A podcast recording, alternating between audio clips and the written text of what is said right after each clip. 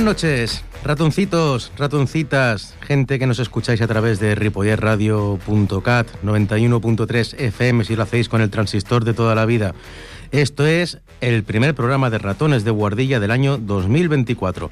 Sí, sí, feliz año nuevo. No pudimos hacer el programa de enero, con lo cual a estas alturas, a este martes 13, martes 13 de febrero de 2024, os saludan los ratones de la guardilla de Ripollet Radio, los miembros del Club de Ajedrez Palau Ausit de Ripollet, los cuales los podéis encontrar si queréis visitarnos en persona en la calle Federico García Lorca número 5, en la Asociación de Vecinos de Can Vargas. Y de regalo un cuchillo jamonero, el amigo justo molinero de Radio Teletaxi. Bueno, pues lo dicho, ratones de guardilla, Ripollet Radio, programa que se puede escuchar a través de las ondas en parte del Vallés Occidental Sur y parte del Barcelonés Norte y también, ¿por qué no?, parte del Vallés eh, Oriental Oeste, sí, y, y a través del mundo entero si nos escucháis en la página web ripollerradio.cat. También en esto es en directo, lo podéis escuchar también en diferido escuchando el podcast en la misma página descargando el programa en ripollerradio.cat. Pues bien, eh, hoy en este primer programa de 2024, Día Mundial de la Radio. Qué bonito que nos toque un programa una vez al mes y coincida con el Día Mundial de la Radio. Así que para todos, para todas vosotras, feliz Día Internacional de la Radio. Estupendo. Pues nada, eh, primer programa del, año y Día Internacional de la Radio. Además, lo celebramos aquí en la casa en Ripoller Radio con la apertura del Instagram de Ripoller Radio. Si buscáis en Instagram Ripoller Radio, podréis verlo. Muy bien, pues vamos a lanzar este Ratones de Guardilla como cada segundo martes de mes de 9 a 10 de la noche. El menú de hoy viene cargadito. Eh, hablaremos un poquito de la actualidad del Club de Ajedrez Palau Sit en esta nueva aventura que hemos emprendido esta temporada junto con el Club de Ajedrez Ripollet para jugar la liga y competiciones por equipos juntos en un nuevo, una nueva, nueva era de colaboración y también eh, hablaremos un poquito de ajedrez en sí, ajedrez puro y duro. Hoy vamos a tener a un nuevo autor, al cual voy a parafrasear, voy a realizar una pequeña lectura y la segunda parte del programa irá a cargo del amigo Sergi, también miembro, amigo, compañero de esta casa y su programa Maneras de Vivir, en el cual hablará de su proyecto, tanto de su podcast como de su programa en Ripoller Radio, con sus colaboradores, sus proyectos, sus invitados, proyecto, proyecto, proyecto, proyecto, que tiene que tiene en mente y desarrollar. Además de su sección de hoy que viene cargadita de series de los 70, 80 y 90. Vale, pues sin más, sin más preámbulo vamos a hablar un poquito de la actualidad del Club de Ajedrez Palaosit. Como bien hemos dicho, este año, 2024, hemos empezado una nueva era de colaboración con el Club de Ajedrez Ripollet y estamos compitiendo juntos en la Liga Catalana 2024. Lo hacemos con cuatro equipos. Un equipo A en primera provincial, un equipo B en segunda provincial, un equipo C en tercera provincial y un equipo sub-12 en categoría promoción sub-12 Barcelona. Además de que cada sábado nuestros pequeños compiten en los campeonatos comarcales del Valle Occidental sub-10, sub-12 y sub-14, esto es, benjamines, alevines e infantiles. No nos podemos quejar, de momento no nos está yendo nada mal. Los objetivos que teníamos pensados al principio de temporada se están cumpliendo y bueno, han transcurrido ya cuatro jornadas y las cosas no, no nos están yendo mal, ¿no? El equipo A va ahora empatado con el segundo y el tercer clasificado de, de primera provincial. Aunque un servidor sea un patata y, no rasque prácticamente ni un punto, y los que rasca lo hace de aquella manera, con un poquito de suerte, la verdad. Digo, dicen que en el ajedrez la suerte no existe. Yo creo que, que sí que un servidor tuvo, tuvo un poquito de suerte. El, el, equipo formado por ocho jugadores, pues bueno, está rindiendo, está rindiendo, está cumpliendo, eh, está sacando las partidas para adelante y no nos podemos quejar. Por lo que respecta al equipo B, lo tenemos clasificado empatado con el líder del grupo, con tres puntos y medios de cuatro posibles. Y bueno, eh, veremos a ver dónde está el techo de este equipo, pero lo está haciendo bastante bien. No descartamos pelear por el ascenso. Será muy difícil porque la temporada es muy larga y siempre, cada semana pueden haber bajas, pero oye, vamos a intentarlo, ¿no? Ese equipo B, a ver si puede eh, ascender a la categoría que está el primer equipo, que es Primera Provincial.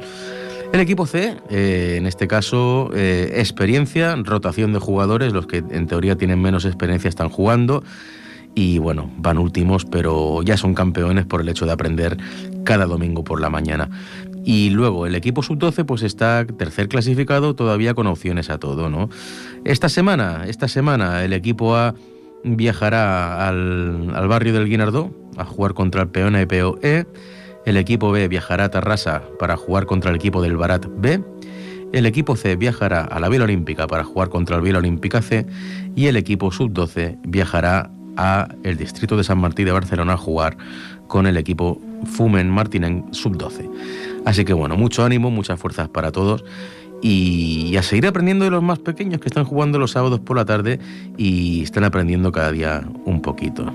Insistimos, podéis encontrarnos cada miércoles, cada jueves y cada viernes de 5 a 7 de la tarde en la Asociación de Vecinos de Cambargas, situado en, en la calle Federico García Lorca, número 5. Y los viernes de 7 a 9 clases para lo nivel avanzado por parte de eh, un maestro FIDE. Así que bueno, os esperamos. Esto es lo que sería la actualidad del club, ¿no? Cuando acabe la liga, pues intentaremos eh, volver a celebrar mmm, más eventos más lúdicos. Seguimos con nuestras con nuestros ratitos de ocio, nuestros ratitos de lectura, de juegos de mesa y además de ajedrez, pues lo que importa es eso, ¿no? Charlar un poquito y estar entre amigos, ¿no? Que sea una pequeña gran familia. Así que nada, ya sabéis dónde estamos, lo acabamos de decir.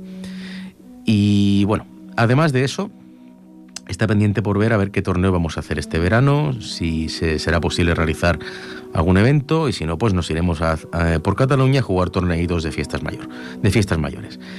Vale, pues ahora dicho esto, la actualidad del club de ajedrez, vamos a hablar un poquito hoy de Alexander Koblenz. ¿Quién era Alexander Koblenz?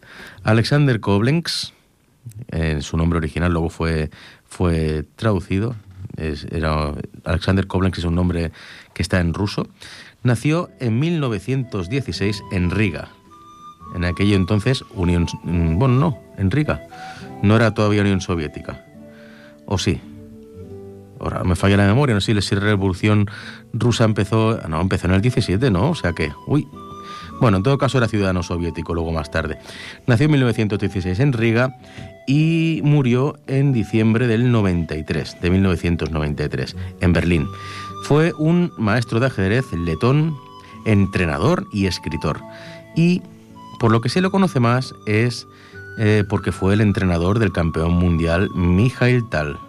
El entrenador de Mikhail Tal, que fue campeón del mundo en 1960-61. Su nombre entero era Alexander Naftalevich Koblenz. Nació en, Letonia, aunque aún no se había formalizado ya la Unión Soviética, luego fue ciudadano soviético, en en Livonia, Imperio Ruso, ¿ves? Efectivamente, primero tuvo, nacionalidad del Imperio Ruso, luego nacionalidad soviética, imagino que luego tuvo la nacionalidad uh, alemana. Eh, Su título fue Maestro del Deporte en 1945 y Maestro Honorífico en 1960. Es decir, lo máximo que se puede, se, se puede obtener en maestro de, algún deporte. Maestro como entrenador además, ¿eh? no solo como jugador. En 1935 Alexander Koblenz eh, quedó en cuarto en, en un Open en- aquí en Rosas, en, en Cataluña. ¿no? En el 36, quinto en Reus. Es decir, mm, curiosamente, este, este señor pasó va- varios días, varios periodos de tiempo aquí en, en Cataluña. En, en 1937 eh, ganó en, en Brno. Brno ahora mismo no recuerdo qué, dónde estaba, pero diría que es República Checa, la actual República Checa. Quinto en Milán y también eh, tuvo luego el gran honor de ganar el campeonato de Letonia, ¿no? Cinco, perdón, cuatro veces. 1941, 1945, 1946 y 1949. Y más tarde, eh, bueno, luego ya más se dedicó, además de, de jugar torneos con los cuales siempre quedaba cerca de, de los mejores, como Paul Keres, otro gran, otro gran campeón letón, que yo diría que es un campeón sin corona, ¿no? que estuvo a punto de ser campeón del mundo, pero el nivel y, todo lo tenía, un grande. Eh, bueno, más tarde, luego ya eh, como entrenador, entren- empezó a entrenar con el joven Mijail Tal en 1949 y lo entrenó eh, en una carrera meteórica hasta mediados de los 50. Además, eh, entrenó eh, al mismo tal en, los ca- en el match, en, en el torneo por el ser campeón del mundo entre 1960 y 1961 contra Mikhail Botvinnik. Además, entrenó al equipo soviético de al equipo olímpico soviético de ajedrez. Además de todo esto de ser entrenador, eh, es conocido como un escritor de libros de ajedrez, muchos de los cuales han sido traducidos, sobre todo al alemán, bajo el nombre Alexander Koblenz, acabado en Z. Durante muchos años fue el editor de un magazine de ajedrez letón, SAS, no sé cómo se pronuncia esto, y además eh, de, un, de un magazine en alemán, ¿no? el Schach Journal. Esto ya me lo puedo pronunciar un poquito mejor. Además, pasó sus años finales viviendo en Alemania. Pues sí, señor, Alexander Koblenz, gran jugador, gran entrenador, uno de los mejores de la Unión Soviética y gran escritor. Libros. ¿Qué libros podemos destacar de Alexander Koblenz? Bueno, uno que está traducido al castellano, que es Ajedrez de Entrenamiento, de 1970. Uno que ya, ya no vivía, pero está basado en sus relatos de cuando Mijail Tal era joven, que se llama eh, Mijail Tal, The Street Fighting Years. ¿Qué significa esto? Los primeros años de Mijail Tal. Y este libro es de 2021, ¿eh? pero habla de- del joven Tal, de cuando jugaba en, en la calle. Parece un nombre de videojuego, ¿no? Me suena como Street Fighter, ¿no? Vale, luego hay uno que, creo que nos ha traducido al, castellano, que es Study Chess with Tal, que es eh, estudiar ajedrez con Mijail Tal, eh, donde relata también cómo estudiaba con el campeón, ¿no? El mundo mágico de las combinaciones de ajedrez, de 1983, y luego hay un montón de libros en alemán, a ver si me sale la pronunciación, eh, Schachtraining der Weg. Bueno, más o menos, más o menos, un montón de libros en alemán, ¿no? Y además un compendio de, de estrategia de juego posicional. Así que bueno, eh, en mi poder ahora mismo me los han traído de los pocos ejemplares que quedan aquí en Cataluña en castellano de préstamo en biblioteca. Tengo dos de estos libros de Alexander de Alexander Koblenz, ¿no? Uno de ellos es Ajedrez de entrenamiento, que ya lo hemos mencionado. Está un poquito hecho polvo, pero bueno, informaremos a la biblioteca que, que, que nosotros no hemos ido, que ya venía un poquito perjudicado, tiene muchos años, está amarillento, ¿no? Esto sí que es, esto sí que es esencia y solera. Ajedrez de entrenamiento, Alexander Koblenz y El mundo mágico de las combinaciones. Y aquí los tenemos con nosotros, ¿no? Aquí los tenemos con nosotros. Eh, ¿Qué se puede destacar? ¿Qué se puede destacar de estos libros? Leyendo la solapa de El mundo mágico de las combinaciones, dice así: Alexander Koblenz es quizás el mejor entrenador de ajedrez de la Unión Soviética. Su libro Ajedrez de entrenamiento, es decir, en el libro de las combinaciones mágicas, habla del otro que tengo en mi poder, que es al ajedrez de entrenamiento. Su libro Ajedrez de entrenamiento, publicado en esta misma colección, que es la colección la colección Escaques, Sí, sí, de Martínez Roca, traducido Martínez Roca en Barcelona.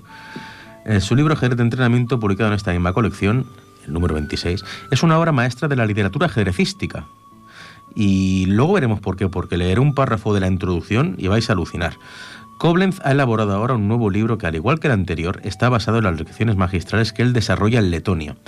El lector asistirá, pues, aunque sea invisiblemente, al entrenamiento de los privilegiados alumnos del Club de Ajedrez de Riga. En ajedrez la combinación es una variante forzada donde se sacrifican piezas o peones para lograr uno de los siguientes fines. Mate, ganancia de material y en posiciones difíciles, igualdad o tablas. En cada combinación hay siempre un tema, es decir, el motivo o pretexto que da pie para realizarla, y una idea o proyecto combinativo. Pero el autor va más allá de esta simple definición.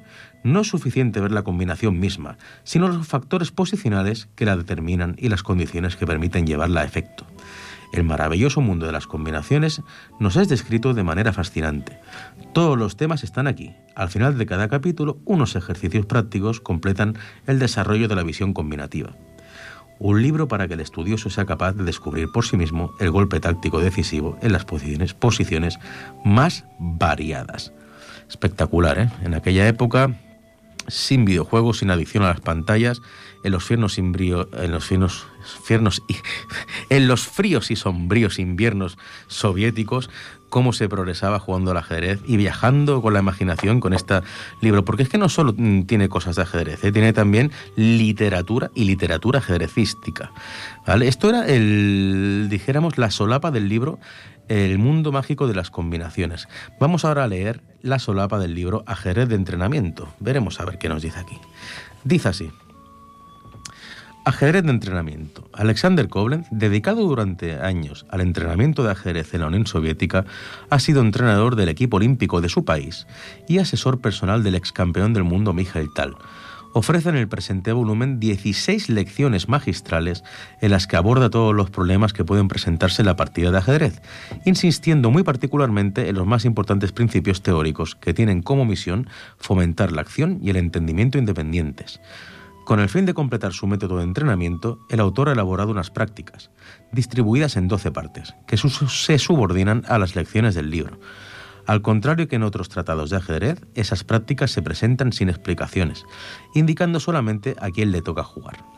Al lector le corresponderá saber, como en una partida de campeonato, si puede lograr la victoria o descubrir unas tablas. Algunas posiciones son complicadas y su solución presentará dificultades. Quizás el lector caiga la tentación de buscar precipitadamente las respuestas que se dan al final del libro. No se desespere por ello, dice el autor. Mi trabajo de muchos años como entrenador me ha convencido de que la consulta con la solución, después de intentos fallidos, también deja una profunda impresión y desarrolla, la capacidad creadora. Espectacular, espectacular. Es, una obra maestra. Este libro es una obra maestra. Simplemente deciros que lo he llegado a ver eh, seminuevo, seminuevo, ya con los años que tiene, a más de 350 euros. O sea que es una, pieza maestra y solo estaba en una biblioteca de Cataluña. ¿eh? Y nos han hecho el favor de traérnoslo y prestárnoslo durante un mes. eh, fijaros el, ahora en las palabras de Alexander Koblenz. No me voy a detener a leer eh, la lección 1 porque al final es que es densa, es densa y daría para un programa entero. Pero sí en la introducción de este libro, escrito de, del puño y letra del propio Koblenz. ¿Cómo nació este libro? En el año 1960 estuve en Leipzig durante el Campeonato del Mundo por equipos, la decimocuarta Olimpiada Mundial de Ajedrez, como entrenador del equipo olímpico soviético y asesor personal del entonces campeón del mundo Mikhail Tal. Algunos jóvenes jugadores de varios países expresaban su admiración por la escuela soviética y me preguntaban insistentemente por los secretos de mi método ajedrecístico. Estas manifestaciones llegaron a halagarme, pero la palabra secreto me molestaba, porque nada más lejos de nosotros, los entrenadores soviéticos, que cualquier regateo de secretos.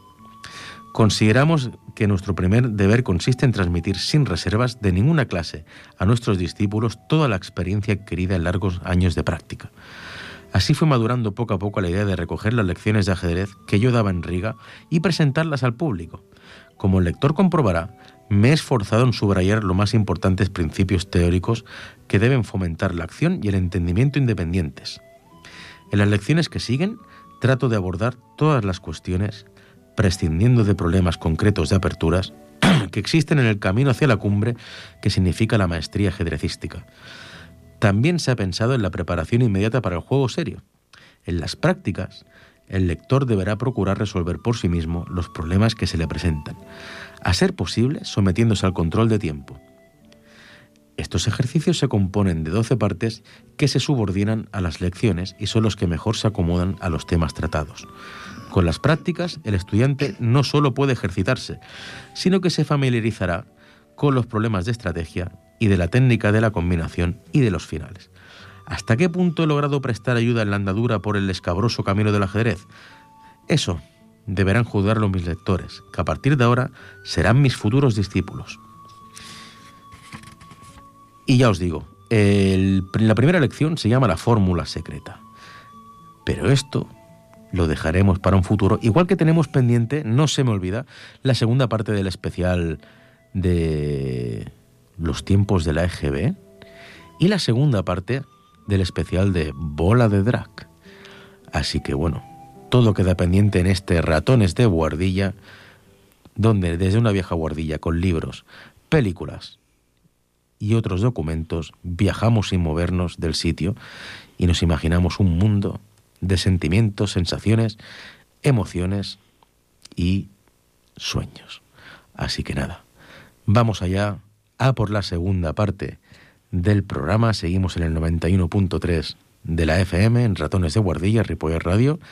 Y doy la bienvenida a mi amigo, compañero y miembro colaborador de esta casa, Sergi, el director de Maneras de Vivir. Buenas tardes, Sergi. Hola, ¿qué tal? Buenas tardes. ¿Qué? ¿Te me estabas durmiendo o qué? ¿Qué va? Todo lo contrario. Me acabo de quedar, eh, te lo digo en serio, muy, muy, muy eh, hipnotizado con, con lo que has leído, con todo lo que nos has explicado tan maravillosamente. Me he quedado, pero impresionado. Brutal. ¿Ves como nunca, nunca, por mucho que haya avanzado la ciencia y la tecnología, tengamos mil recursos audiovisuales y, y en formato digital, nunca nada va a superar a un buen libro? Te digo, yo, que- te digo yo que no, o sea, es, es, eh, incluso, fíjate que cualquier libro que tú puedas leer, eh, luego has visto alguna versión de alguna serie que han hecho basada o alguna película basada en el libro y, no tiene nada que ver, ¿no? Porque tú cuando lo lees, tú pones las caras, tú te lo imaginas a tu manera eh, y no tiene nada que ver con lo que luego tú puedas ver en las series o en las películas. Se parece, pero no, es lo mismo, es la magia de, los libros. Y, sobre todo libros, eh, como has traído tú, que los estoy viendo yo aquí ahora, eh, que transmiten mucha energía, porque son libros mm, potentes. Imagínate por cuántas manos ha pasado durante años estos libros. Que sí, que están un, un pelín perjudicados, pero es normal, tienen más de, de 50 años estos Eso, libros. eso es lo bonito, ¿eh?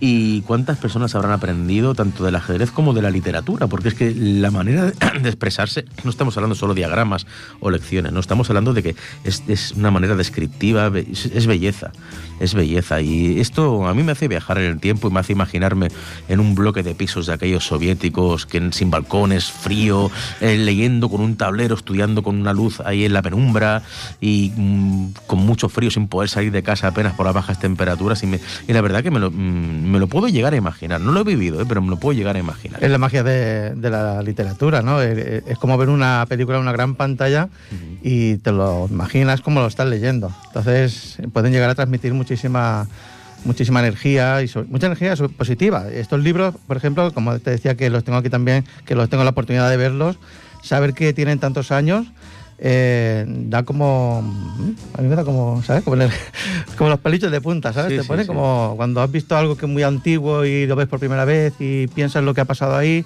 y te transmite esa energía que, que todavía desprende ¿no? en sus sitios en este caso estas lecturas tan bestias Y además escrito por un entrenador de un campeón del mundo. eh. Sí, o sea, fíjate, no tiene tanto nivel como lo que tenía el campeón del mundo, pero él era el entrenador y el que le preparaba todo y brutal, ¿eh? O sea, una persona que se dedicó única y exclusivamente a entrenar a campeones. O sea, es, es, es, brutal y todo con las los vicisitudes políticas que había de la época, ¿no? Con, porque imagino que los letones seguían manteniendo su identidad sociocultural pese a pertenecer a la Unión Soviética. Y Mikhail Tal, alumno de Alexander Koblenz, ah, no solo era un revolucionario en el ajedrez, sino que su manera de jugar al ajedrez ya dejaba de ver que iba en contra de los principios de la Unión Soviética, donde el ajedrez era más estratégico, más posicional, más de ir eh, apretando al oponente con pequeñas ventajas, ¿no? Él era, era totalmente combinativo, iba atacando a lo bestia, era salvaje, un ajedrez salvaje. Por eso Mikhail Tal es el ajedrecista mm, preferido de muchísima gente, porque es que es, un estilo alegre, desenfadado y, que, y vamos, capaz de ganar a un, a un maestro mm, estratégico sin fisuras como era Mikhail Botvinnik. Así que bueno, venga, pronto a Muy- hablar. Muy, muy heavy, ¿no? Y además te voy a decir que, que puedes hacer un programa especial de él porque Sí, sí, sí. me has dejado también con la, con la intriga de la historia de este hombre. Bueno, habrá que documentarse y intentaré también visualizar y documentarme yo, porque es que si me tengo que leer el libro entero, al final me parece que estoy explicando un cuento para que no durmamos. Las, No, nueve, no. las nueve y media ya de la noche, pues el- el- el hora- ya no es la hora del sescac, sino la hora de las nonas, ¿no? Pues nada, Sergi, eh, háblanos, eh, todo tuyo. Luego mm, yo iré hablando también contigo, iremos conversando el- cuando me interpeles, pero ahora es todo tuyo hasta menos tres minutos que yo haré la despedida y ahora pues siéntate en maneras de vivir. Bueno, tú, sobre todo, no te me vayas de aquí, no, No te vayas voy. muy lejos, quédate aquí. No me voy, me Eso quedo. es importante. Me quedo. Yo te voy a comentar dos temas principales. Como sabes, he colaborado contigo aquí en, en Ratones de Guardilla y que voy a seguir haciéndolo eh, por circunstancias que, que se te acumulan a veces las cosas. Eh, no te da tiempo a veces ni a grabar cositas ni dejártelo preparado por los horarios que tengo, que tampoco siempre puedo venir. Eh, entonces ha sido un poquito complicado el, el que yo te pudiera grabar cositas, pero tengo grabado de, de un día un especial que hice para, para tu programa, que es de las de las películas, o sea, de las series de los años 1980. Ya sabes que en La Guardilla encontramos de todo. Y Exacto. aquí había una, caji- una caja de esos VHS tan maravillosos y, oye, le di al play y, y salen, salen cosas muy interesantes. Pues venga, vamos a por ese, a por ese especial, Sergi, vamos a ver.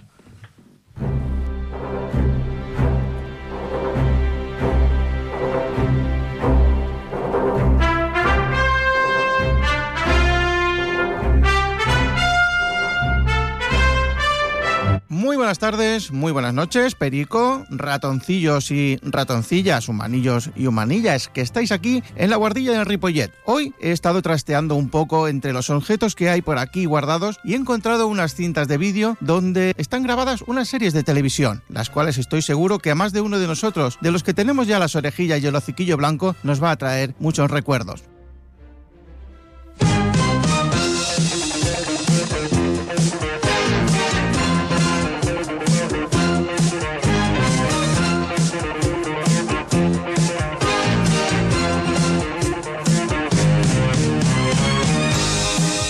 Magnum, investigador privado. Está considerada una de las mejores series de los años 80. Cuando Steven Spielberg y George Lucas decidieron crear Indiana Jones, pensaron en Tom Selleck para que le diera vida al personaje. Incluso llegaron a proponérselo. Pero el éxito inicial de la serie y el contrato firmado con la CBS durante varios años impidieron a Tom Selleck ser Indiana Jones. Tuvo un crossover con Se ha escrito un crimen, donde Jessica Fletcher aparecía para investigar un intento de asesinato. Y más tarde fue Magnum quien apareció en la serie de Angela Lansbury.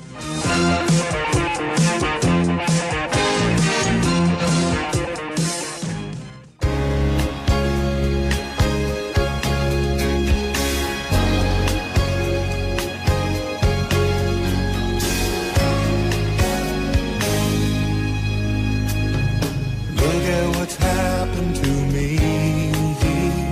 El gran héroe americano.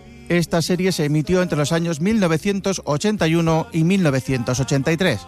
La serie fue cancelada por las constantes demandas de los creadores de Superman que alegaban un plagio. Se rumoreaba que existen cuatro episodios que nunca se han llegado a emitir por este motivo. La banda sonora que sonaba en esta serie fue todo un éxito en su época y estuvo durante un tiempo como número uno en los Estados Unidos. El nombre de protagonista fue cambiado porque coincidía justo con la persona que intentó asesinar a Ronald Reagan.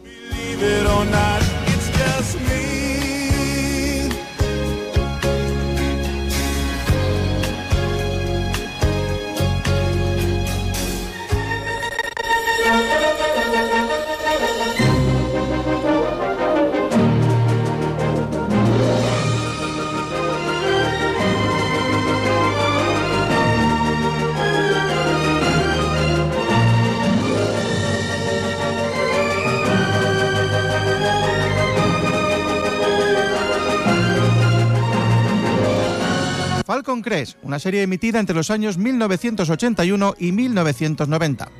En algunos países hispanoparlantes fue conocida como Viñas del Odio. De todas las grandes producciones de la época, fue la que menos éxito tuvo en su país natal, al contrario del eco que tuvo en Europa y especialmente aquí en España. En muchos capítulos aparecían personajes esporádicos interpretados por actores veteranos como Lana Turner, Kim Novak y Mel Ferrer. La actriz española Asunta Serna participó en la octava temporada.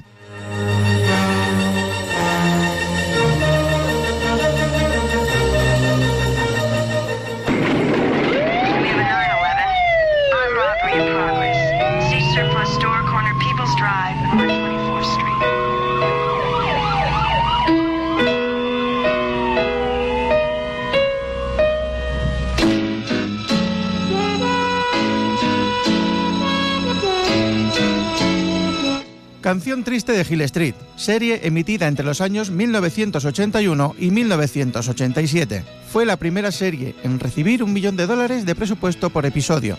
Dominique Dunn apareció en un episodio interpretando a una mujer maltratada. Sin embargo, lo que parecía ficción era real. Las marcas y moratones con las que apareció eran reales, causadas por su novio y asesino John Sweeney. El episodio fue emitido dos semanas después de su muerte y fue dedicado a ella.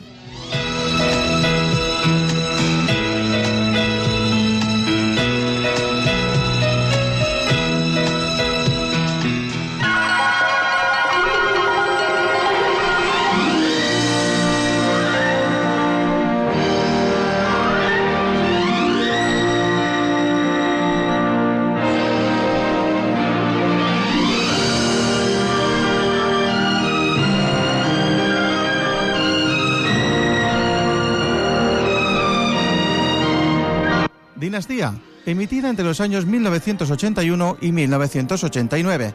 Fue famosa por el uso del denominado salto de tiburón, un recurso argumental que consiste en la desaparición y reaparición de personajes sin demasiada coherencia.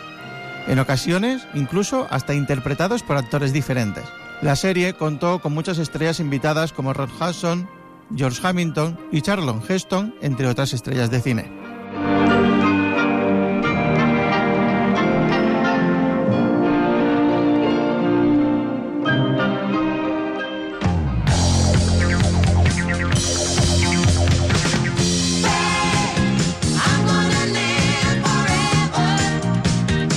La serie Fama, emitida entre los años 1982 y 1987. Fue la secuela de la película de Alan Parker, Fama, de 1980. A los espectadores norteamericanos no les convenció la serie, así que la NBC la canceló después de una temporada y media. Cuando llegó a Europa tuvo un gran éxito, así que decidieron recuperarla hasta el año 1987. El triunfo mundial fue tanto entre los jóvenes que los actores realizaron una gira representando las coreografías de las canciones de la serie.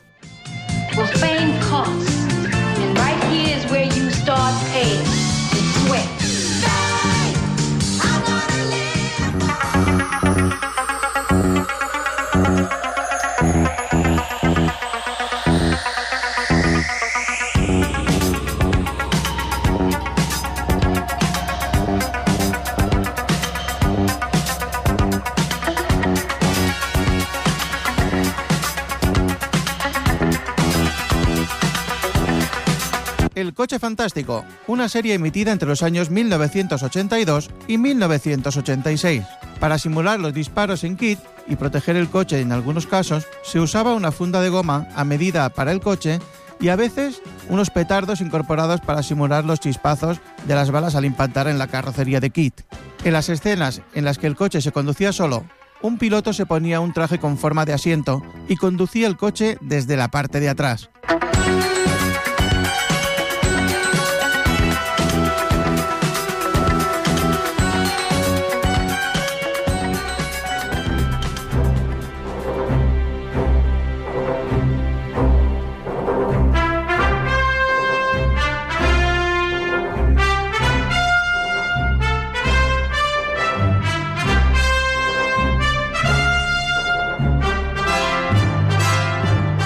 Hasta aquí nuestro pequeño viaje en el tiempo a través de estas series de los años 80. Tengo que deciros que he encontrado tantas, tantas, tantas y tantísimas que yo creo que a lo mejor una segunda parte en este caso podría ser una buena idea. Así que si queréis, para próximos programas os traigo unas poquitas más de series. Nos escuchamos dentro de muy poco.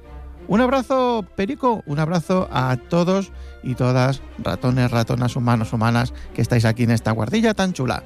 Hasta pronto.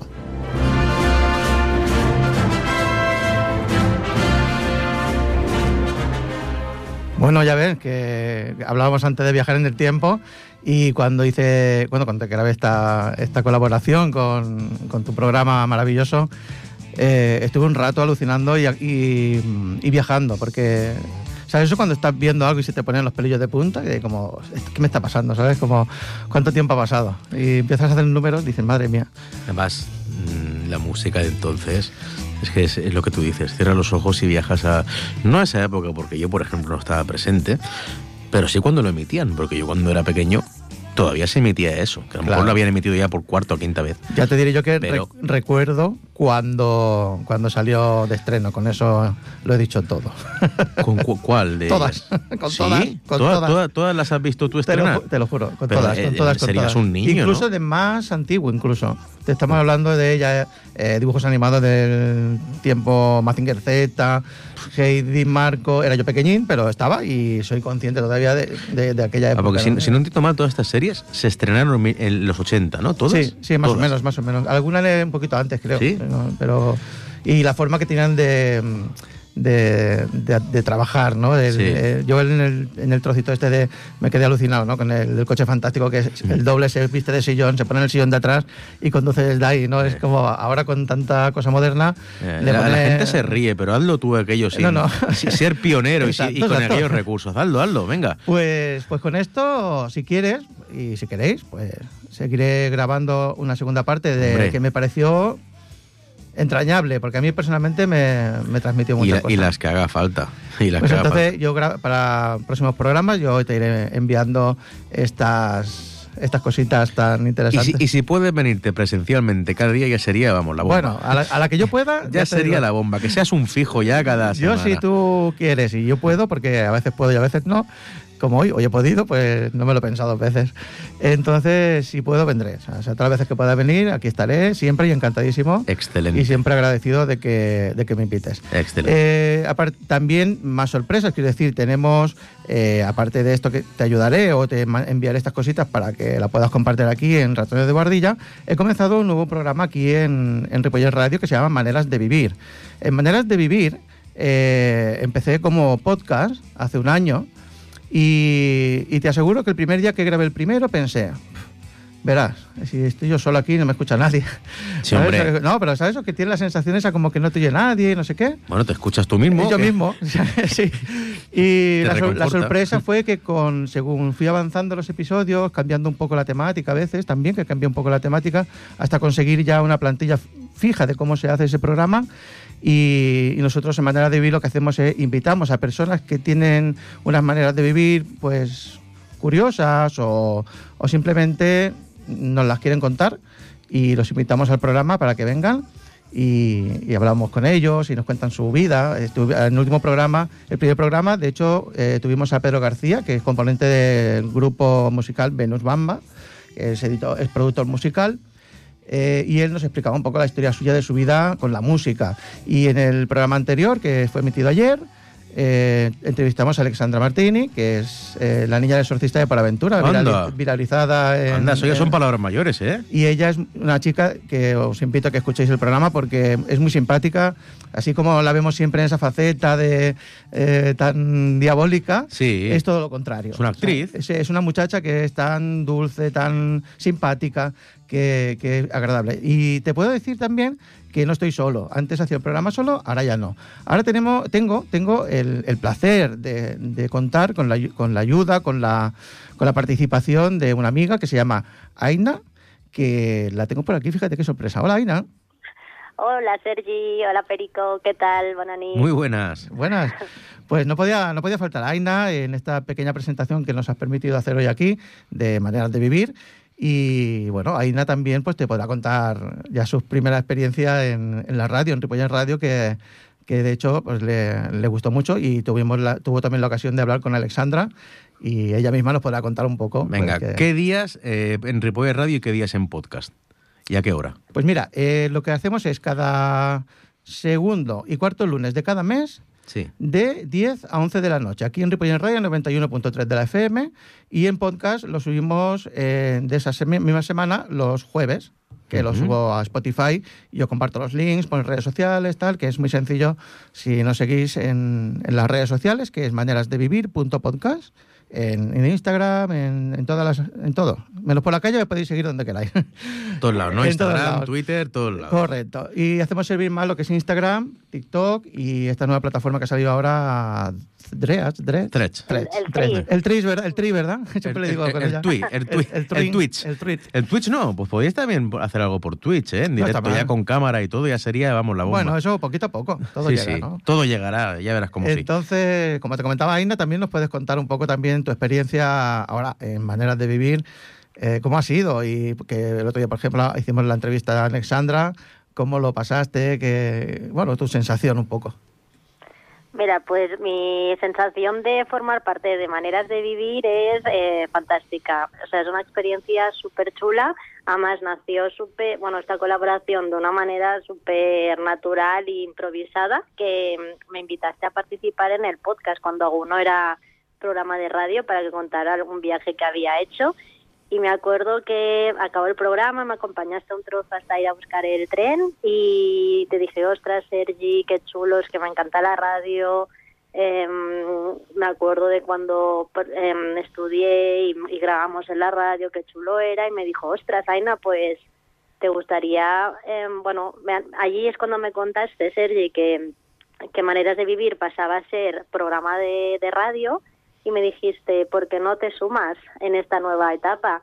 Y nada, pues no lo dudé porque realmente, bueno, por un lado, em, trabajar con Sergi es un lujo, es un placer y, bueno, y el programa que, que tanto se ha currado y bueno, y que lo hace de una manera que se nota todo el amor y el entusiasmo que le pone, pues es, ¿qué te voy a decir? Es chulísimo. Y, y nada, y el último programa que de hecho salió este jueves, ahí este lunes, perdón, fue el de, el de Alexandra Martini. Y, y qué decir, fue fantástico conocerla, charlar, nos pasó el tiempo volando, que bueno, yo creo que, creo, no sé si estás de acuerdo conmigo, Sergi, que puede ser que volvamos a invitar a Alexandra porque tiene para contar cosas. Bueno, em, pues sí, de hecho, de, de hecho, Aina, estuve hablando con Alexandra de- después de la grabación y salió un tema que no lo comentamos el día de la, de la, de la misión que tuvimos con ella, y que era que ella eh, le gusta mucho el tema paranormal, el tema de... eh, llegó a escuchar una psicofonía que la compartió en sus redes sociales. eh, y entonces la invité también, digo, bueno, pues si quieres, en la próxima vez que puedas venir al programa, hablar un poco más de, de ese tema, del tema más eh, las ciencias ocultas y todo este tema que misterioso que, que ella sabe, sabe de este tema. A ver Él si es- van a poner dos rombos o algo aquí no lo ahora, sé, ¿eh? pero fíjate que fíjate qué cosa curiosa pasó, que me lo comentó ella, se fue a, de- a una casa rural a pasar un fin de semana con su familia, con sus hijos y su, y su pareja, y, y nos contó que, y nos contó y lo puso, que pudieron grabar una psicofonía. Ah, Ahí lo dejo. Entonces, Ya, es lo que te he dicho antes, fuera de misión, que te he dicho cuando yo vivía en la masía, que aquello, vamos, parecía la mansión del terror, ¿eh? De, Sí, sí, sí, de ruidos y, y de lechuzas. y, y animales Sí, sí, y de todas clases. Vaya, vaya, bueno, pues mira, una doble, una, un doble tema, ¿no? Que tenéis ya para hablar. Cuéntame, cuéntame más de Marenas de Vivir y de todo lo que tratáis. Quiero saber más. Pues mira, maneras de vivir, eh, eh, bueno, pues como dice el título, ¿no? Son las maneras de vivir de las personas. A mí, por ejemplo, eh, tenemos, tenemos eh, invitados e invitadas que creo que van a ser muy interesantes.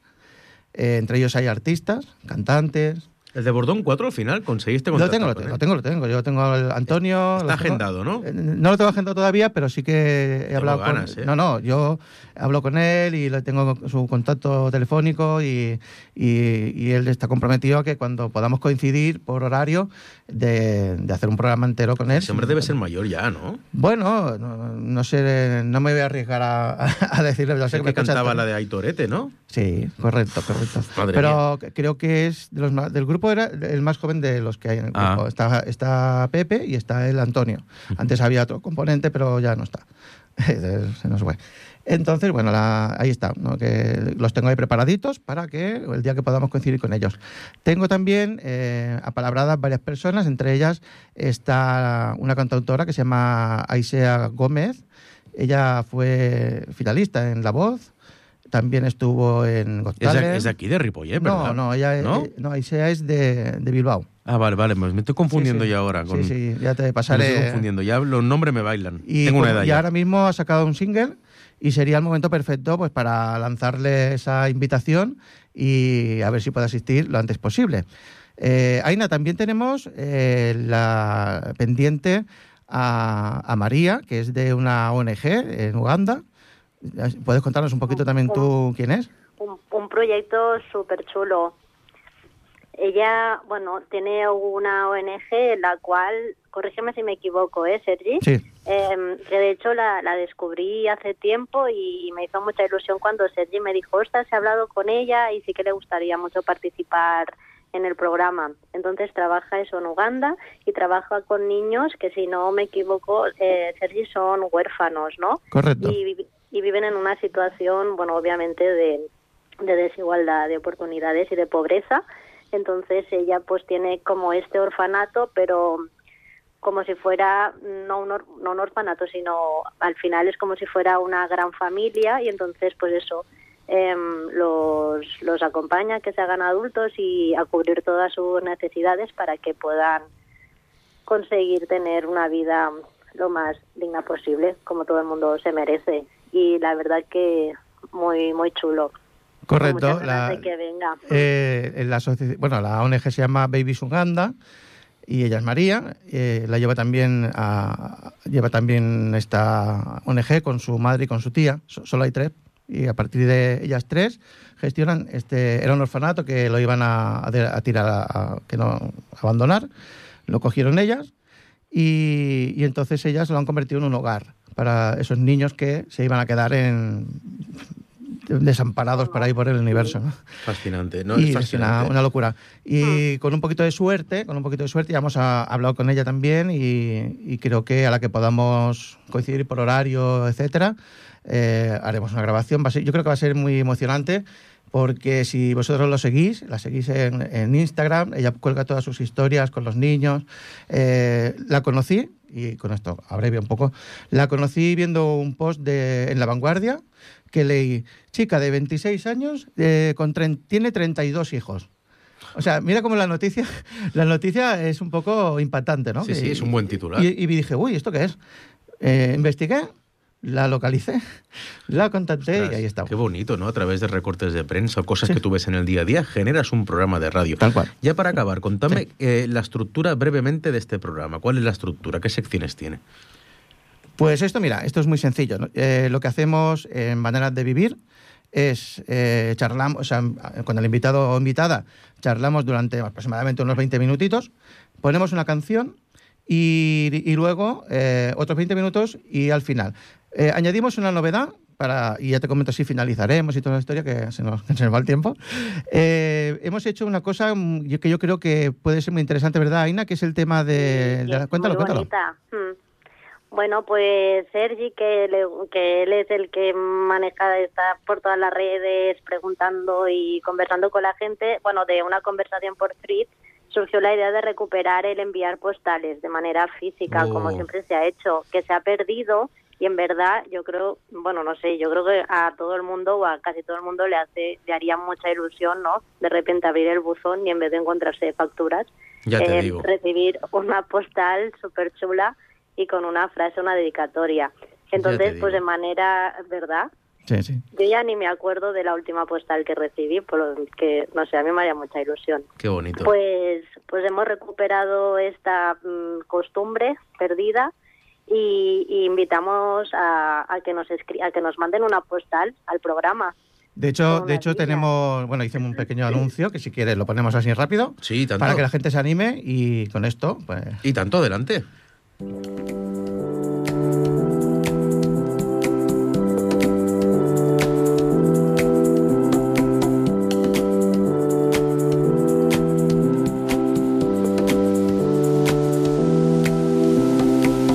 ¿Os acordáis cuando abríais el buzón de vuestra casa y había una carta para ti? Esta forma de comunicación en la actualidad pensamos que se ha perdido por completo. En Maneras de Vivir abrimos nuestro buzón para recibir vuestro correo postal. Leeremos todas vuestras cartas o postales que nos enviéis, donde tenéis que escribirnos lo que queráis y sobre todo nos tenéis que pedir una canción que os guste mucho o queráis dedicarle a alguien. Esta canción que pidáis será la que pondremos siempre al final de nuestro programa. Ya sabes, toma un bolígrafo, papel o una postal y escríbenos a la dirección Rambla San Jordi, número 6, primer piso en Ripollet, Barcelona. Código postal 08291. Rambla de San Jordi, número 6, primer piso en Ripollet, Barcelona. Código postal 08291. Esperamos vuestra carta.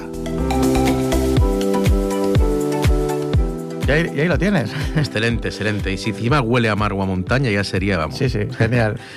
Bueno, pues eh, se nos se nos va como siempre el tiempo. Sí, sí. Es una auténtica lástima, porque querría seguir hablando de maneras de vivir y todos estos proyectos que tenéis en mente. Eso es un programa con estructura y al final. Bueno, de, de- de hecho, voy a aprovechar para, para invitarte un día, cuando ya sabes que tú estás invitado desde que hice mi el manera, de, podcast. mi manera de vivir es muy quesera, que lo sé. No, no, no, no. Casera digo- y quesera. No, no, no. eh, te digo que, que yo te invito un día que vengas nos y eh, hablaremos de nuestra manera de vivir, de, bueno, de todo, de todo. De, del club de, de ajedrez, lo que quieras. Todo, lo que liter- quieras. literatura. Lo que todo. quieras. Lo que haga Esto será falta. tu programa y eh, muchas gracias por invitarme. Bueno, Hoy- despide, despide antes a Aina, ¿no? Antes de Aina, es verdad que te vamos a dejar, Aina, la Eh, dejamos ahí hasta, ahí. mañana- hasta la semana que viene, la dejamos ahí esperando. Hasta ahí en el teléfono. Gracias por, por estar ahí, Aina. Esperemos No, contar much- contigo en un futuro. Claro que sí, cuando queráis. Y más Muchas tiempo. gracias a vosotros. Muchas Un gracias, abrazo. Aina. Un abrazo. No, Sergi, Ah, Pues está. eh, gracias a ti y a Aina por estar en este Ratones de Guardilla. eh. Cerramos este programa mensual, como cada segundo martes de mes, de 9 a 10 de la noche. Y, y nada, nos vemos el segundo martes de marzo, de 9 a 10 de la noche. Sergi, Jordi Puy, amigos de Ripoll Radio, amigos del Ratones de Guardilla, que descanséis, que tengáis buena noche, sed muy felices y un fuerte abrazo.